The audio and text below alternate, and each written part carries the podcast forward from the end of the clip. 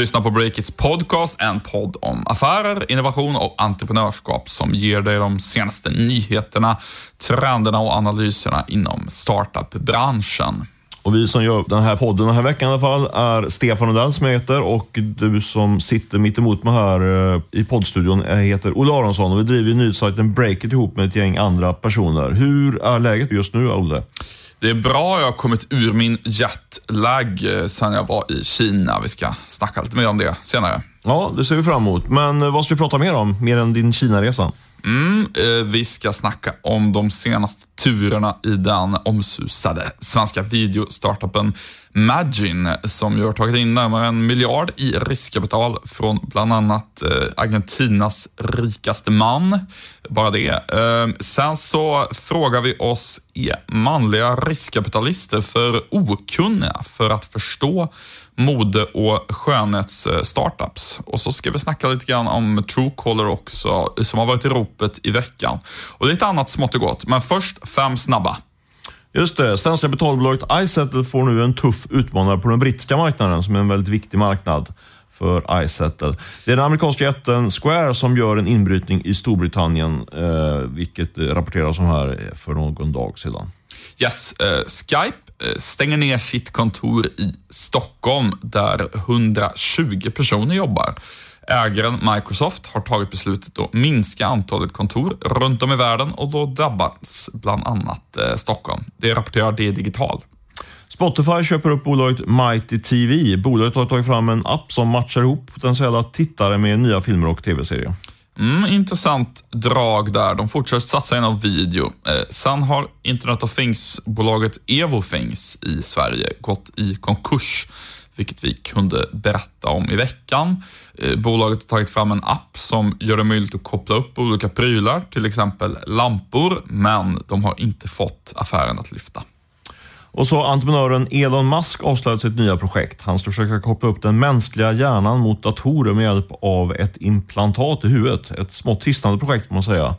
Norlink heter företaget. Eh, vi ska väl också när vi pratar om Elon Musk eh, notera att han har fått en ny storägare i sitt elbilsföretag Tesla. Eh, den kinesiska jätten Tencent var det va? Som, Så är det, de har köpt 5% Precis, och aktien gick som en raket på, på den amerikanska börsen efter det beskedet.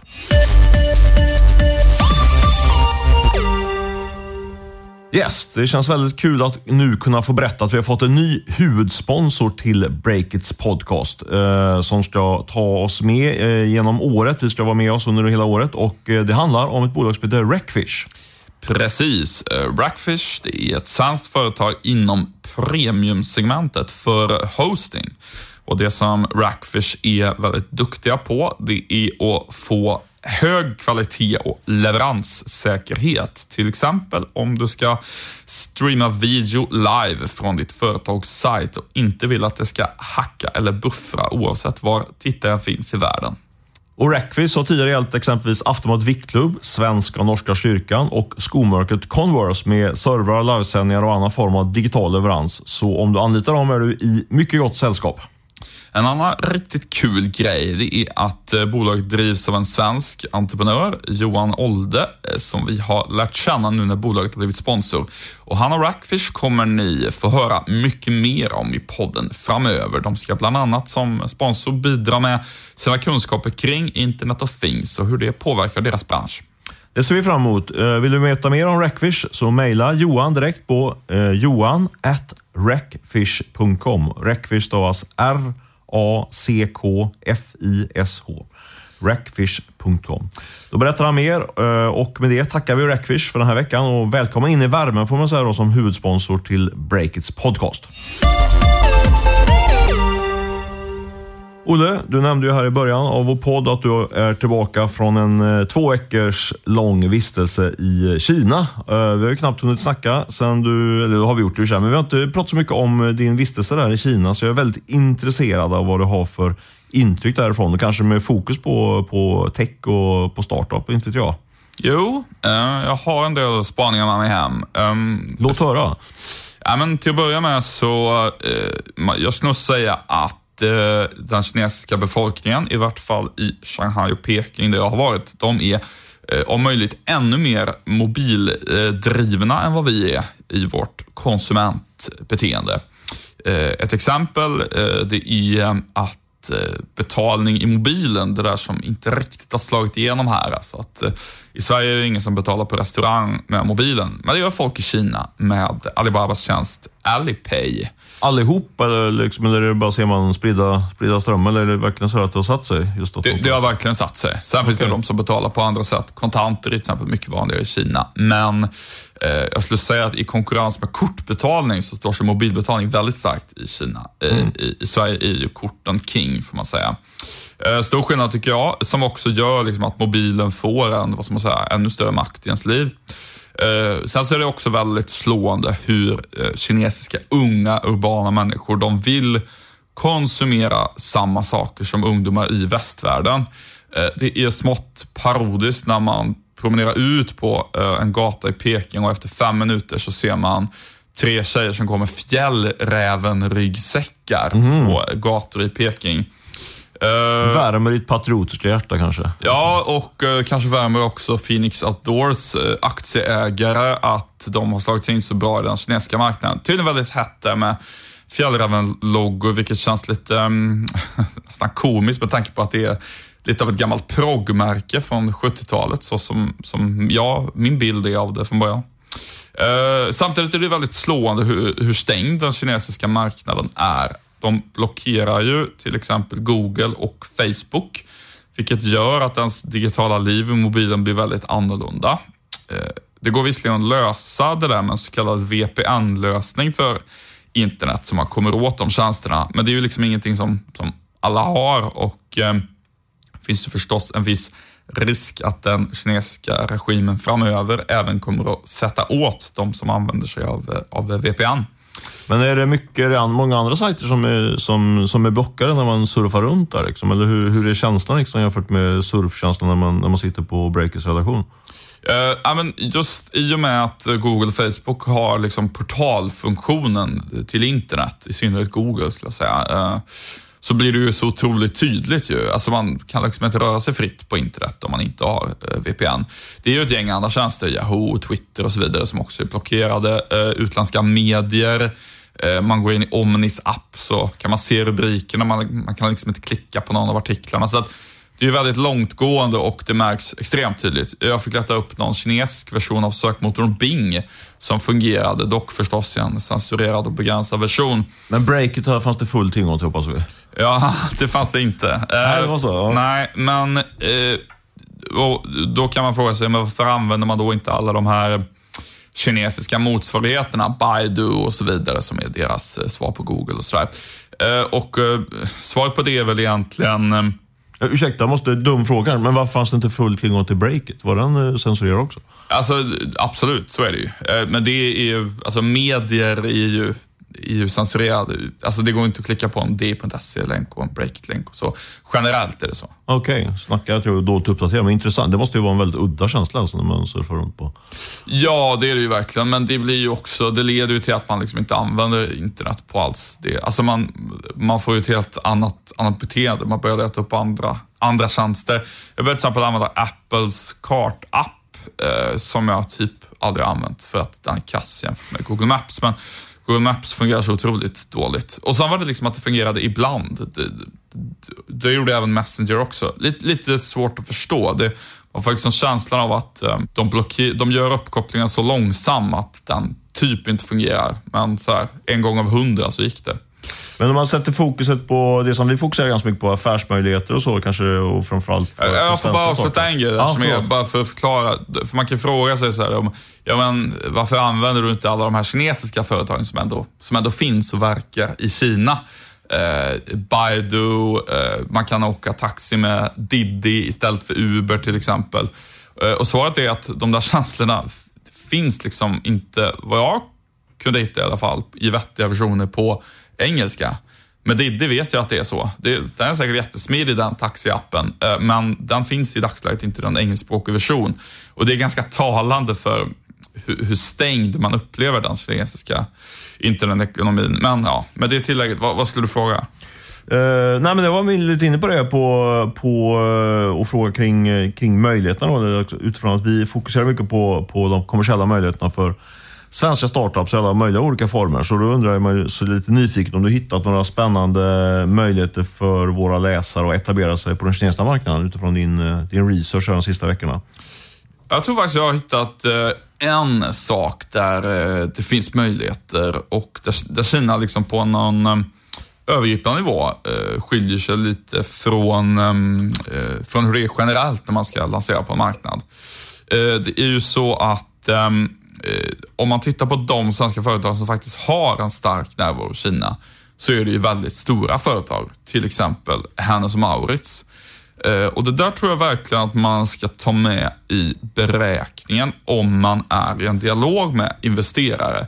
Vi brukar ju ibland eh, ifrågasätta lite de här så kallade korplådorna, alltså vad H&M och andra, varför ska de bli riskkapitalister också? Ska de inte fokusera på sin kärnverksamhet? Men som startup så tror jag att det är väldigt mycket lättare att slå sig in i eh, Kina om man har en sån här stark industriell eh, investerare och kan använda dem som språngbräda. För annars är det ganska tufft tror jag att etablera sig där.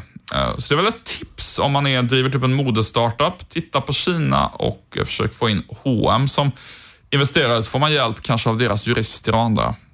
Men om man vänder på kuttingen och tittar på, på Kina utåt, då, så att säga, kinesiska startups eller kinesiska techjättar. Ibland får man ju känslan att de håller på att ta över världen. Vad, vad är din bild efter, efter ditt besök där på plats? Ja, min bild är väl faktiskt att eh, även om Kina är världens största land så är den bilden lite överdriven. Mm. Och jag tycker bara det faktum att Quai liksom inte ens har en app på engelska i Kina, eh, det säger väl liksom någonting om hur, um, alltså det är lite som en extrem variant av den här, man brukar säga om amerikanska startups. Att de har en så stor hemmamarknad att de går liksom inte globalt direkt. Medan svenska går globalt direkt med typ Spotify och liknande tjänster. Och jag, eh, men bilden är överlag skulle jag säga att visst, många kinesiska startups, Alibaba och så vidare expanderar ju även i andra länder, men de är inte alls lika liksom, global first och utåtriktade som till exempel svenska startups.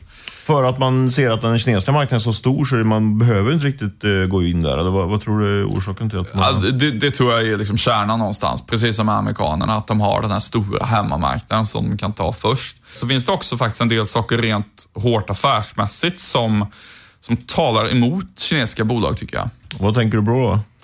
Um, ja, men ett typexempel är att uh, jag tror det finns någon sorts myt om att alla kineser bara pluggar matte och jobbar 18 timmar per dag, typ.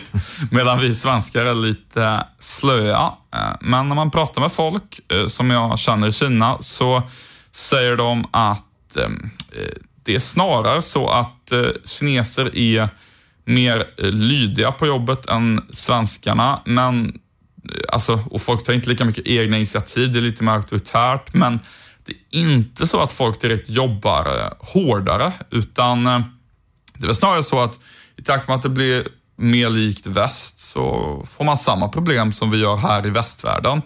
Eh, folk kanske riskerar att jobba ihjäl sig, bli alltför stressade och ehm, det finns lite, tycker jag, när man pratar med folk, en början till en en motrörelse, att man ska gå mot mer balans i livet. Eh, yin och yang, den berömda balansen, eh, kommer göra sig mer påmind i människors medvetanden igen. Och jag tror liksom att... En konkurrensnackdel, men det låter ju som en rätt bra utveckling då. det låter som en bra utveckling för landet, skulle jag säga. Men om man ska... Mm, det jag far efter är väl mer att det finns den här myten om att vi svenskar börjar bli slappa, så att säga. Och då kommer de hårt arbetande kineserna Eh, Eh, konkurrera ut oss. Och där tror jag väl snarare att i, i takt med att samhället blir, ja, eh, kulturen blir mer, allt mer influerat av, eh, av väst, vilket man upplever att det är i storstäderna, så kommer väl den här balans i livet mot rörelsen komma även i det kinesiska näringslivet. Och då, ja, då blir det mer som här, folk, folk jobbar hårt liksom, men vill, vill inte nödvändigtvis jobba ihjäl sig. Och det var sunt, men, men det innebär ju också att konkurrenssituationen då jämnas ut när det blir mer likt mellan länderna. Men det är en gigantisk marknad måste man ändå säga. Vi har varit inne på lite grann tidigare. Men du skulle avslutningsvis skulle, skulle ge några konkreta affärsuppslag till, till uh, hungriga svenska entreprenörer som skulle gå in och erövra den kinesiska marknaden. Vad, vad skulle det vara om du skulle rycka en eller två sådana konkreta tips? Ja, men jag har två ganska tydliga. Uh, en är hundar, mm. faktiskt. Hundstartups. Det tror jag mycket på. Eh, Kina var ju tidigare ett land där folk i storstäder generellt sett inte hade hund som husdjur. Eh, I vissa delar av landet så åt man ju till, eh, till och med hund som mat. Ehm, men nu så ser man allt fler hundar, inte sällan med söta små kläder på sig och så som ehm, inte minst Kinas växande Eh, Eh, lite äldre befolkning, pensionärsgruppen, skaffar och går runt med på stan.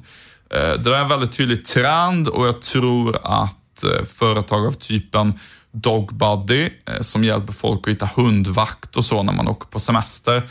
Där finns det nog en väldigt bra marknad i, i Kina. Det är dessutom så att folk säkert börjar resa på, iväg på lite mer semester också då, i kineser. Eh, så det tror jag på. Eh, och sen så måste jag ju säga att man eh, får ju en starkt tro på datingmarknaden i Kina. Vi har ju en svensk-kinesisk startup som heter Tantam som verkar där med stor framgång och den där marknaden tror jag Kina är en, om möjligt, ännu bättre marknad för än, än i Sverige eftersom det är ju så att eh, kinesiska ungdomars föräldrar, de tjatar väldigt, väldigt mycket på dem om, eh, har du inte hittat någon att gifta dig med? Och eh, eh i Sverige, om man är 30-årig kvinna och ännu inte har hittat någon, då är det väl helt okej okay, fortfarande, får man säga. Medan i Kina så är det mycket tuffare socialt och eh, därför så ökar ju behovet av, av datingtjänster väldigt mycket för att man ska slippa eh, föräldrarnas tjat när man ringer hem. Och Ehm, jag, jag, måste säga att min tro på Tantan och eventuellt andra eh, dating startups i Kina stärktes väldigt mycket av att vara där och prata med människor. Intressant. Kanske läge att vi slår en signal igen till tantan och kollar hur, hur det går där. Bra tips. Eh, hundar och dating, det man ska satsa på om man ska ge sig in i, på den kinesiska marknaden. Tack för den rapporten direkt, eller lite direkt, men nästan direkt då från, från Kina, Olle.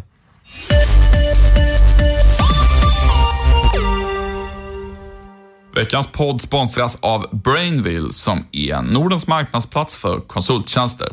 På Brainville kan du som konsult hitta tusentals olika uppdrag från en rad olika kunder. Och om du sitter på andra sidan, alltså på jakt efter en konsult att anlita, så kan du helt gratis annonsera på Brainville. Så det är ingen ekonomisk risk att prova den här tjänsten. Nej, och en sak som också är fin med Brainville, det är att de aldrig tar ut någon procentavgift av själva affären.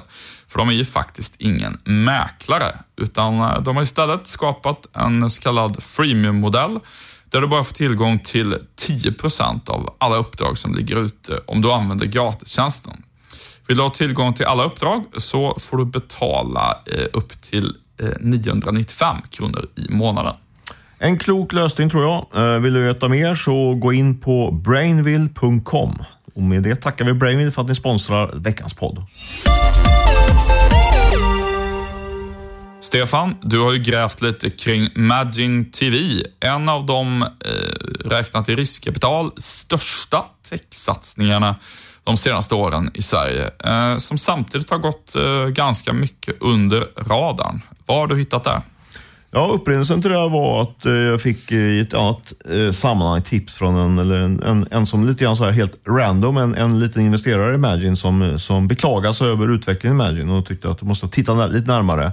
Eh, och bilden jag har fått utav Imagine TV är väl blandad kan man säga. Den är inte den är vare sig helt svart eller helt vit. Eh, de har ju fått, fått in eh, ungefär en miljard kronor i olika former av riskkapital som de har investerat i tjänsten. Eh, jag hörde själv talas om tjänsten första gången för 5-6 år sedan. Då, eh, då lanserades det som Spotify för TV. Och den, också då var det faktiskt en investerare, säger lite grann mitt, mitt umgänge, som, som pratade just om eh, Imagine som den nya stora.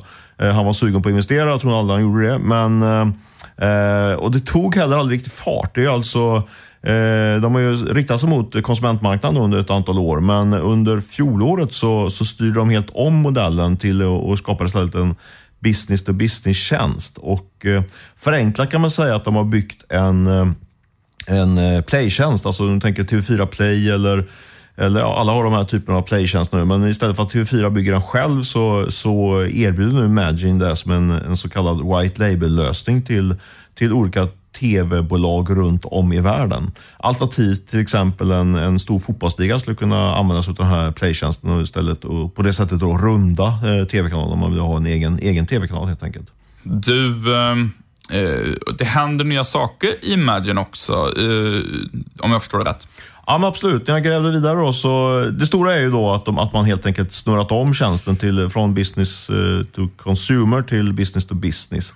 Eh, och eh, i samband med den eh, omstöpningen av bolaget så, så är det så att eh, grundaren, en av grundarna som heter Erik Wikström, han har hoppat av nu. Han hoppade av precis eh, i dagarna, gick han in till Bolagsverket och där jag hittade denna nyhet. Han var ju tidigare, först var han VD och eh, nu i sin senaste roll har han varit finanschef då.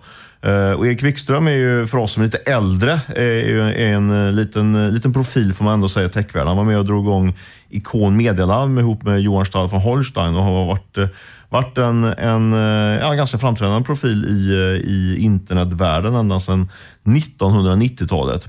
Eh, men nu hoppar han av då Magin som har varit, ganska, som har varit ett ganska publikt projekt från, från Eriks sida. Eh, och orsaken till det, när jag pratade med honom här igår kväll faktiskt, var han sa att eh, han har helt enkelt tröttnat på på, på slitet med Magin. Kanske inte var exakt så han formulerade sig, men det, det var egentligen innebörden att han, han tog ett tog ett beslut och kände att han var kanske inte riktigt redo att köra ett race till då när man nu gjorde om tjänsten, vilket var lite intressant. Han ska istället jobba för Ola Alvarsson, en annan IT internetikon eh, med hans eh, konsultbolag Result. Eh, det är väl det som han har på agendan nu framöver, Erik Wikström. Så det var en liten nyhet i, kring Magin-sfären. Och vad som också är lite spännande med Magin, det är att de har en lite udda ägarbild där det nu också har eh, skett en del förändringar. Ja, det är väl nyhet nummer två då i, i kring Magin TV. Eh, det är ju rätt spännande. Rätt, eh, vi snackade om det precis innan vi drog igång poddinspelningen. De har ju en, en väldigt eh, en ägarbild som sticker ut får man säga. Dels har de Argentinas rikaste man som heter, nu ber jag om ursäkt direkt för mitt uttag, men Algerando Bulgeroni, någonting sånt där. Eh, sen har de också en, en stor ägare i en jordansk familj som heter Mango. Mango Group är det som står bakom. Och sen slutligen så har de en, en, eh, den socialdemokratiska friskolemiljonären som jag titulerar honom, Ole Salsten, som jag också snackade med lite grann här igår. Han håller till i Kungsbacka och har eh, cashat in ett par hundra miljoner kronor på på en friskolekoncern och som man nu investerar bland annat då i, i eh, lite techrelaterade bolag. Det är de där tre som, eh, som utger, utgör eh, kan man säga, kärnan i, i ägarbilden i, i Magin. Och Det som har skett också nu då är att man har den här argentinaren då, Algerando, Algerando, han har stärkt makten i, i Imagine genom att han har konverterat ett lån till aktier precis nu och totalt handlar det om 140 miljoner kronor. Vilket innebär att han nu har eh, majoriteten då i Imagine TV. Uh, eh, ja, ganska intressant. Sen ska man ju fundera på, det har alltså investerats ungefär en miljard kronor i den här tjänsten uh, och man ska nu försöka kapitalisera på en, på en massa andra tv-bolag runt om i uh, världen genom en modell som innebär att man, man hakar på den här tjänsten och sen så får man betala beroende på hur många abonnement, abonnenter man har då som använder sig av tjänsten. Eh, känns ju ganska långt borta kanske till innan man har pengarna tillbaka på den här investeringen på en miljard kronor. Men eh, ja, den som lever får se. Vad säger du spontant Olle? Vad är möjligheterna? Nej, jag har väl ungefär samma bild att eh, det är svårt att, att, få igen de pengarna. Um, vad som skulle kunna vara är väl då att um, de här uh, huvudägarna, då tänker jag kanske inte primärt på uh, Olle Salsten utan på Alejandro Bulgeroni, som jag tror man säger, och på den här Mango-familjen från Jordanien. De kanske har ett, eh, vad vet jag, väldigt bra eh, affärsnätverk i många så kallade emerging markets runt om i världen. Eh, där kanske behovet av den här tjänsten är lite större än till exempel på den, den svenska och amerikanska marknaden där, där streaming ju är väldigt liksom, etablerat redan. Men så kan tänka så kan det säkert vara. Och de, har ju, de största kunderna idag är ju en kinesisk eh, spelare och en sydafrikansk. Sen har de ytterligare någon, någon större, eh, eller också ytterligare någon spelare i Mellanöstern då, precis som du indikerade. Eh, har någon stor affär på gång också med någon, med någon europeisk eh, aktör eh, som vi kanske får anledning att skriva om lite senare.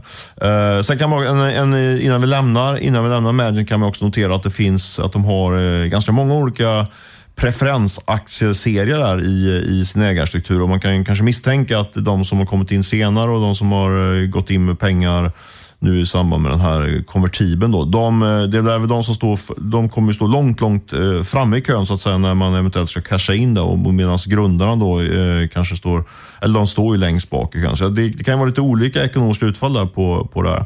Eh, och det leder mig o, osökt in på vårt nästa ämne, Truecaller. Därför i jag kollade faktiskt innan vi började spela in det här. Fyra olika preferensaktieserier plus en, en stamaktie.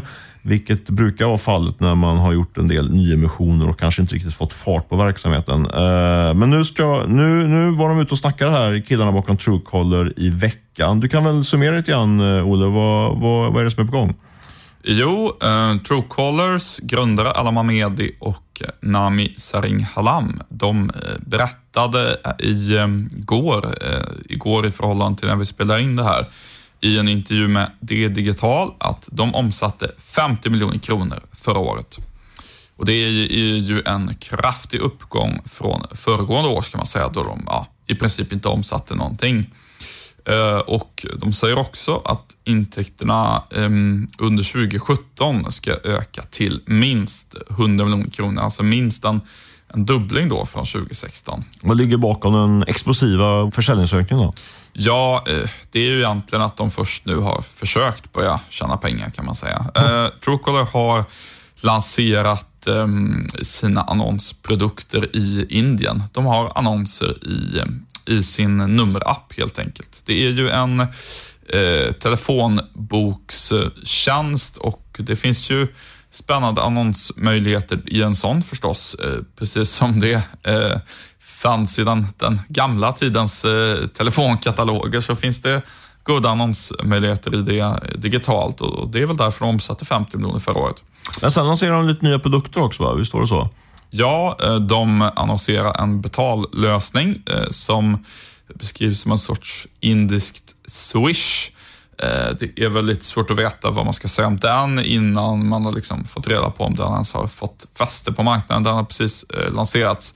Ehm, däremot tycker jag man kan fundera på just vad gäller omsättningssiffrorna då, att Truecaller omsätter alltså 50 miljoner ungefär, eller gjorde det förra året. Eh, och visst, de säger att de ska dubbla i år, men det var ju knappast det här caset som Kleiner Perkins och Sequoia, eh, som är lite av crème de la crème av amerikanska riskkapitalister.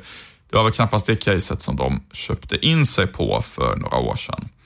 Eh, det är ju så att Truecaller såg ju ut att vara på väg att bli ehm, Alltså, en så kallad unicorn, alltså ett bolag som eh, värderas till över en miljard dollar. Eh, I princip i kraft av att helt enkelt ha väldigt många användare.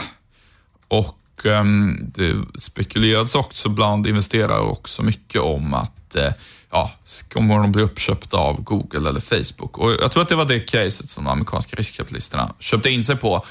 Och så ser det inte riktigt ut att bli nu. Nej, jag håller med dig där i din skepsis och det är inte bara baserat på att eh, killarna bakom Truecaller numera ja, typ inte vill prata med oss här på breaket. Eh, Det är väl inte typ, de, de väljer ju inte att göra det. Ja, men så är det väl lite grann. Så det kan låta lite surt sa räven, men om jag ändå försöker ställa mig vid sidan av det så, så tycker jag, höjer jag ändå på ögonbrynen på, på den här värderingen. Vi, tog, vi fick ju reda på värderingen i samband med, med att eh, familjen Wattin, då, som är en av de största techinvesterarna i Sverige, kom in som ägare och Tommy Jakobsson och hans eh, Riskkapitalbolaget, finansmannen Tommy Jakobsson, här, kom in bara för ett par, några månader sedan ungefär. Då var ju värderingen någonstans runt 4 miljarder kronor. Eh, och då, både Tommy Jakobsson och, och familjen Wattin är ju riktigt duktiga och smarta investerare. Men jag, jag fattar ju inte riktigt hur man får, får ihop den här kalkylen. Även om det slår så att man omsätter 100 miljoner kronor nästa år och kanske med hygglig lönsamhet så, så är det väldigt svårt att få ihop eh, få ihop de här siffrorna. Och vi har ju inte hela insynen. Det kan ju vara så att det, att det finns någonting som, eller det måste ju vara någonting som, som de har sålt in, att hur man ska kicka, kicka igång eh, annonsförsäljningen på ett ännu, ännu, med en ännu större kraft. Men det man kan konstatera är att den här värderingen som det snackas om för eh, ett och ett halvt år sedan, en miljard dollar och en unicorn-värdering, den är en bra bit bort och eh, värdet har ju gått ner rejält på det här bolaget.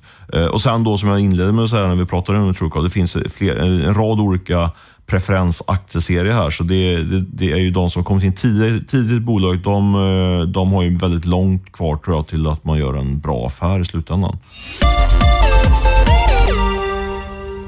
Vi har ju haft flera heta debattämnen på Breakit senaste veckan och med oss för att prata lite mer om dem är nu Camilla Björkman, affärsutvecklingschef på Breakit. Välkommen in i studion.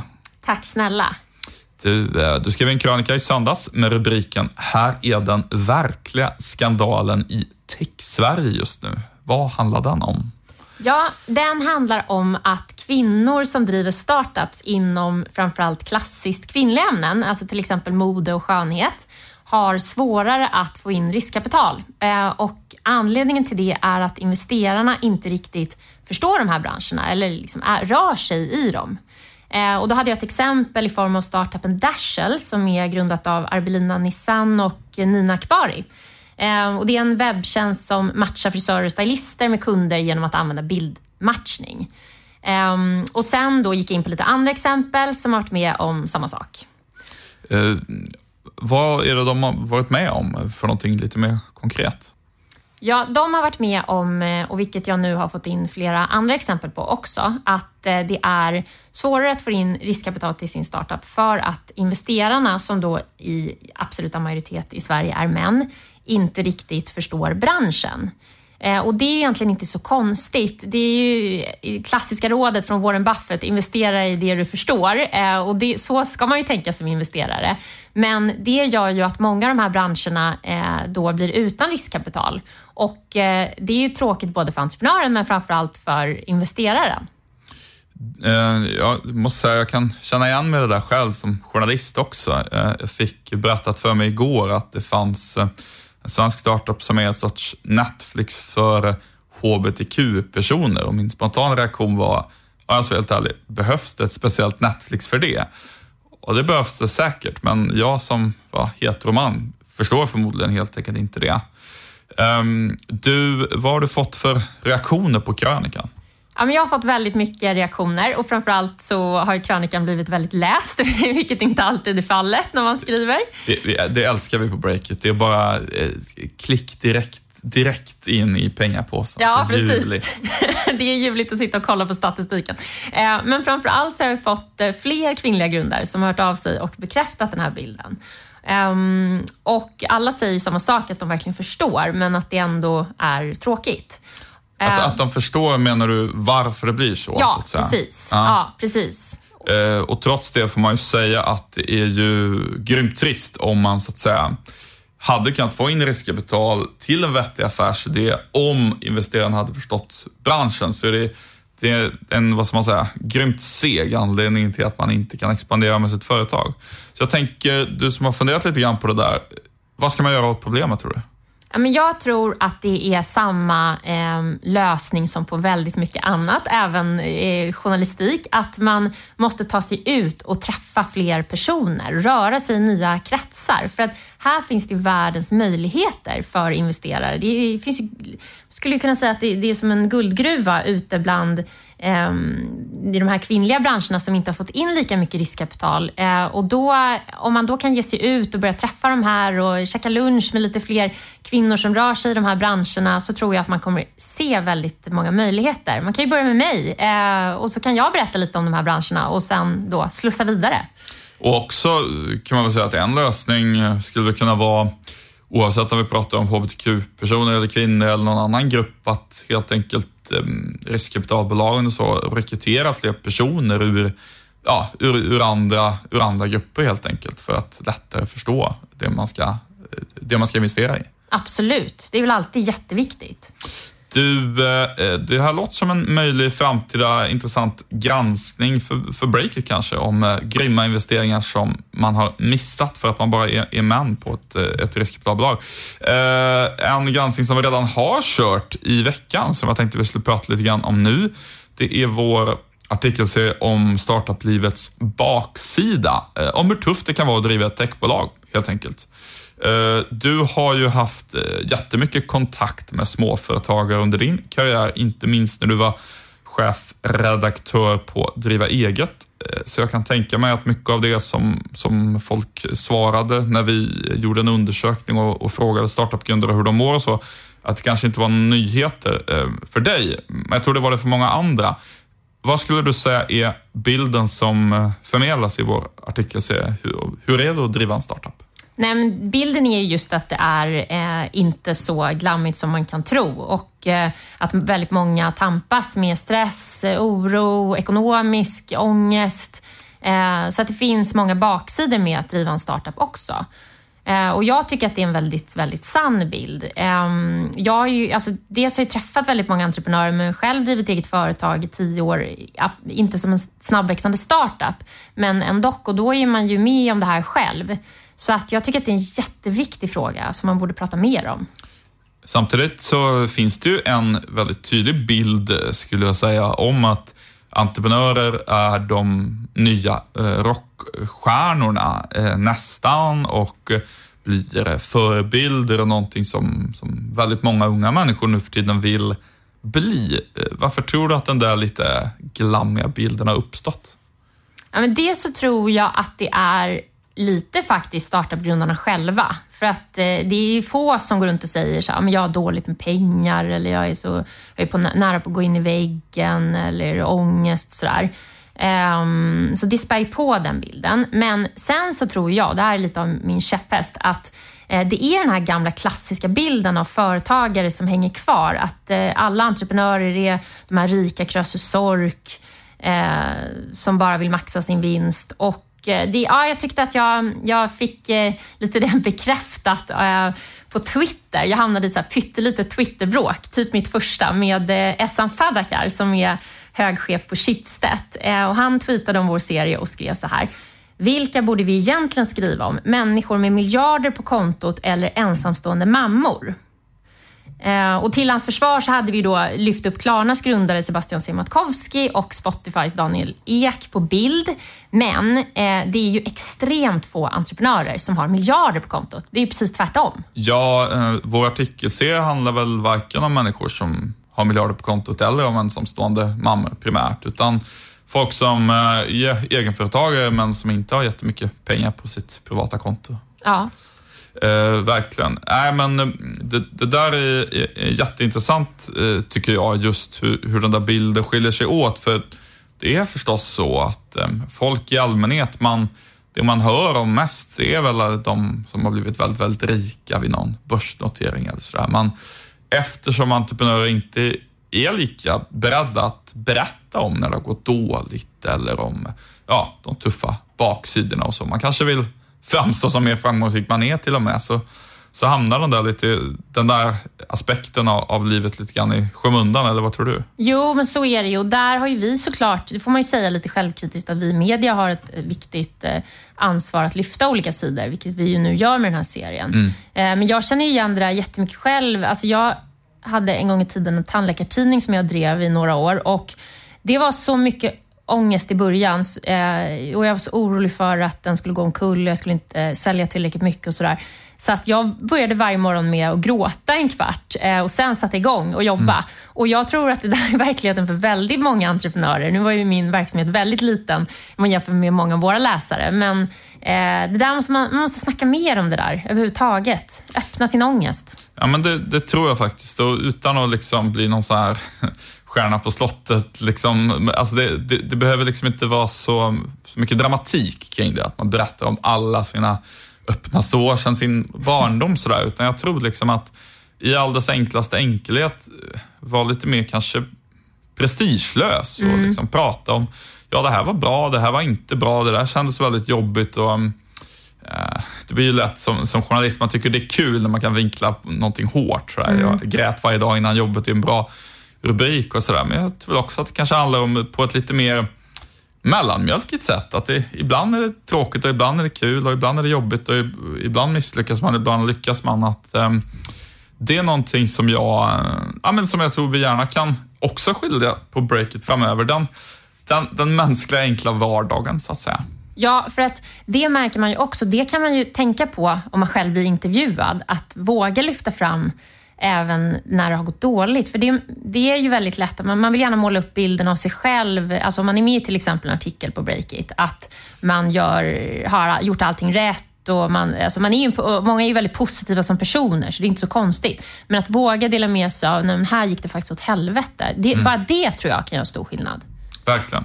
Eh, det är dags att runda av det här avsnittet eh, därmed. Vi ska tacka Beppo ljudproduktion som klippte det här. Eh, och sen ska vi tacka vår nya huvudsponsor Rackfish förstås. Ha det gott så hörs vi nästa vecka. Hej då! Hej då!